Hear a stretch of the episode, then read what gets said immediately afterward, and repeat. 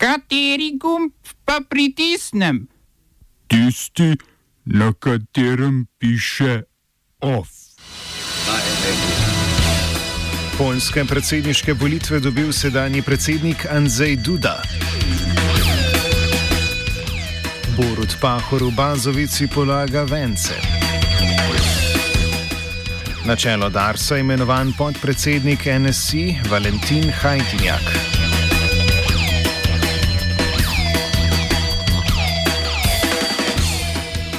Na polskih predsedniških volitvah je v drugem krogu mandat za las dobil dosedanji predsednik Andrzej Duda.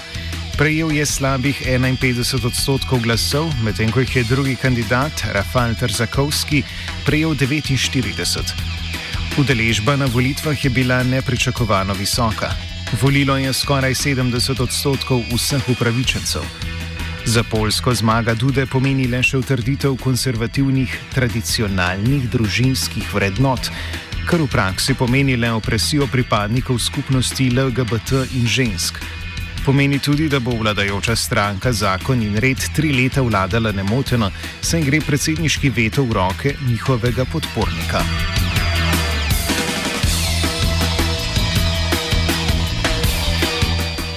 Čez vikend so potekale tudi prve volitve po koncu epidemije v Španiji. Regiji Baskija in Galicija sta se odločili, kdo bo vodil regionalni vladi. V Baskiji je zmagala že prej vodilna Baskovska nacionalna stranka, za njo pa se je uvrstila levičarska Baskija Združi se, ki zagovarja odcepitev od Španije. Sledijo socialdemokrati, ki so s tem ohranili svoj delež in bodo najverjetneje še naprej sestavljali vladno koalicijo z Baskovsko nacionalno stranko. Tako v Baski kot v Galiciji je veliko podpore izgubila španska judovska stranka. V Galiciji se je ta sicer obdržala na prvem mestu, a svoj rezultat so najbolj izboljšale regionalne stranke, ki zagovarjajo večjo avtonomijo od Madrida.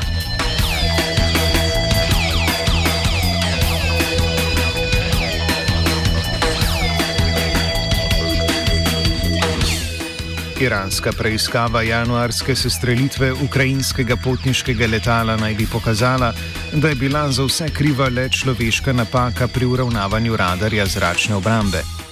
Ta napaka naj bi posledično sprožila verigo drugih. Te so na koncu pripeljale do napačne identifikacije tarče, kar pa bi operater v zračni obrambi moral zaznati. Ker se to ni zgodilo, je sistem avtomatično izstrelil dve raketi.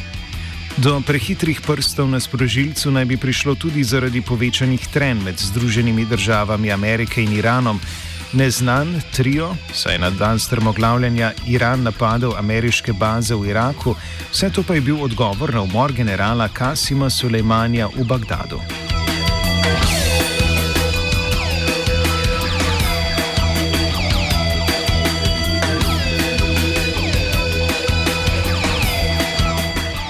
Malijski predsednik Ibrahim Bubakar Keita je razpustil ustavno sodišče in napovedal možnost ponovitve parlamentarnih volitev. Opozicija je nezadovoljna zaradi predsednikovega nereševanja ekonomske krize, dolgotrajnega konflikta s Tuaregi in islamističnimi oboroženimi skupinami ter obtožbe korupcije zoper predsednika. Tarča jeza ljudstva, izražene v tridnevnih nasilnih protestih, je ravno ustavno sodišče, ki je letos razveljavilo zgodnje izide parlamentarnih volitev. Tako bi predsednik lahko nastavil nove sodnike, ki naj bi ponovno presodili, ali je pri marčovskih volitvah prišlo do nepravilnosti. Opozicija koncesij ni pripravljena sprejeti, saj meni, da so geste le simbolične in zahteva odstop predsednika ter sestavo vlade narodne enotnosti. Ob vseh obljubah v spravi pa so bili aretirani vsaj štirje voditelji protestov. Oba, če, če bom odgovoril na angliški. Slovenija bo poskušala pomagati. Slovenija bo naredila naš utmost, da bo rekla, da je situacija naš problem, sami. In da bomo naredili nadaljnje korake, as soon as the conditions are. Bomo vlado Marjana Cererja, Marjana Cererja Šarca podprli. Zelo, zelo resno. Slovenija. We know how and we will.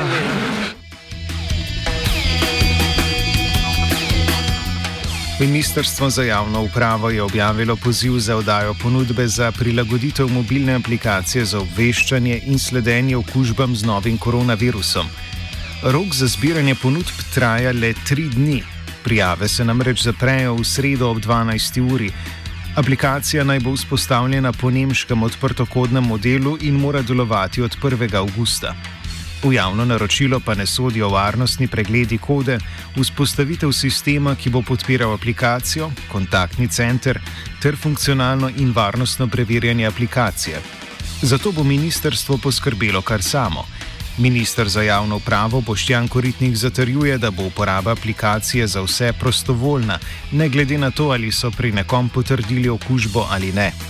Prav tako aplikacija naj ne bi omogočala sledenje lokacij in shranjevanja geolokacijskih podatkov.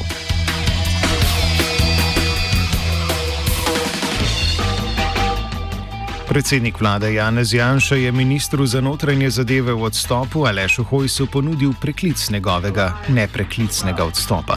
Ta pravi, da bo prošnjo vzel resno in še enkrat premislil, ali morda ni ravnal prenagljeno in sprejel napačne odločitve.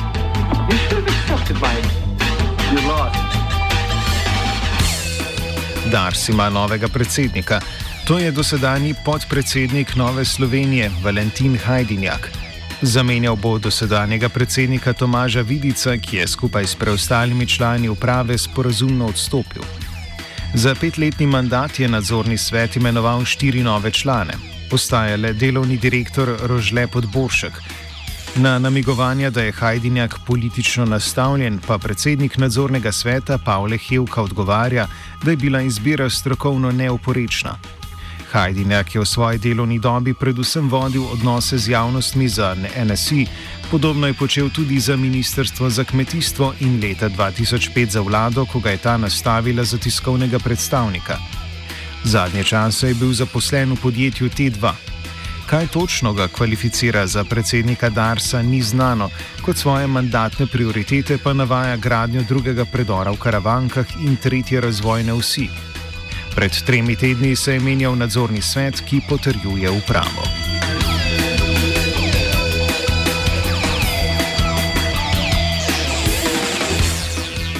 Predsednik Republike Slovenije Borut Pahor se je danes mudil v Italiji, kjer se ukvarja predvsem s postavljanjem vencev na vsak spomenik, ki ga zagleda. Tako je danes ovenčil spomenik bazoviškim junakom, poklonil pa se je tudi pred bazoviško fojbo.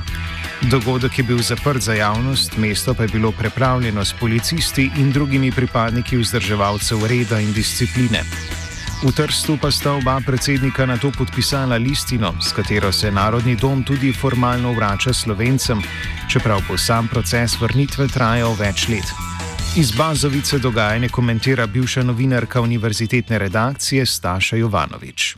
In v glavnem so naletele pač na zaprta vrata, oziroma pač vrstica, ta bazovica, zelo lušna, mehna vrstica, je bila polna vseh možnih policajev, ki vemo, da jih v Italiji pač zelo več različnih vrst, recimo temu.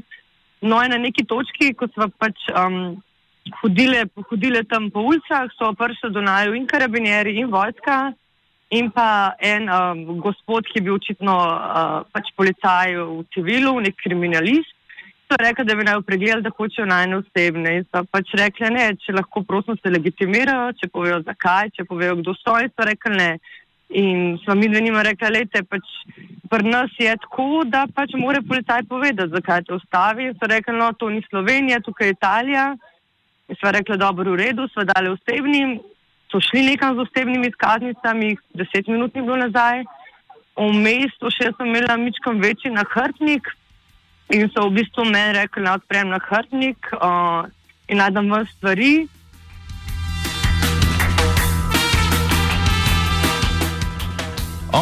Je pripravila Lucija. Poslušate.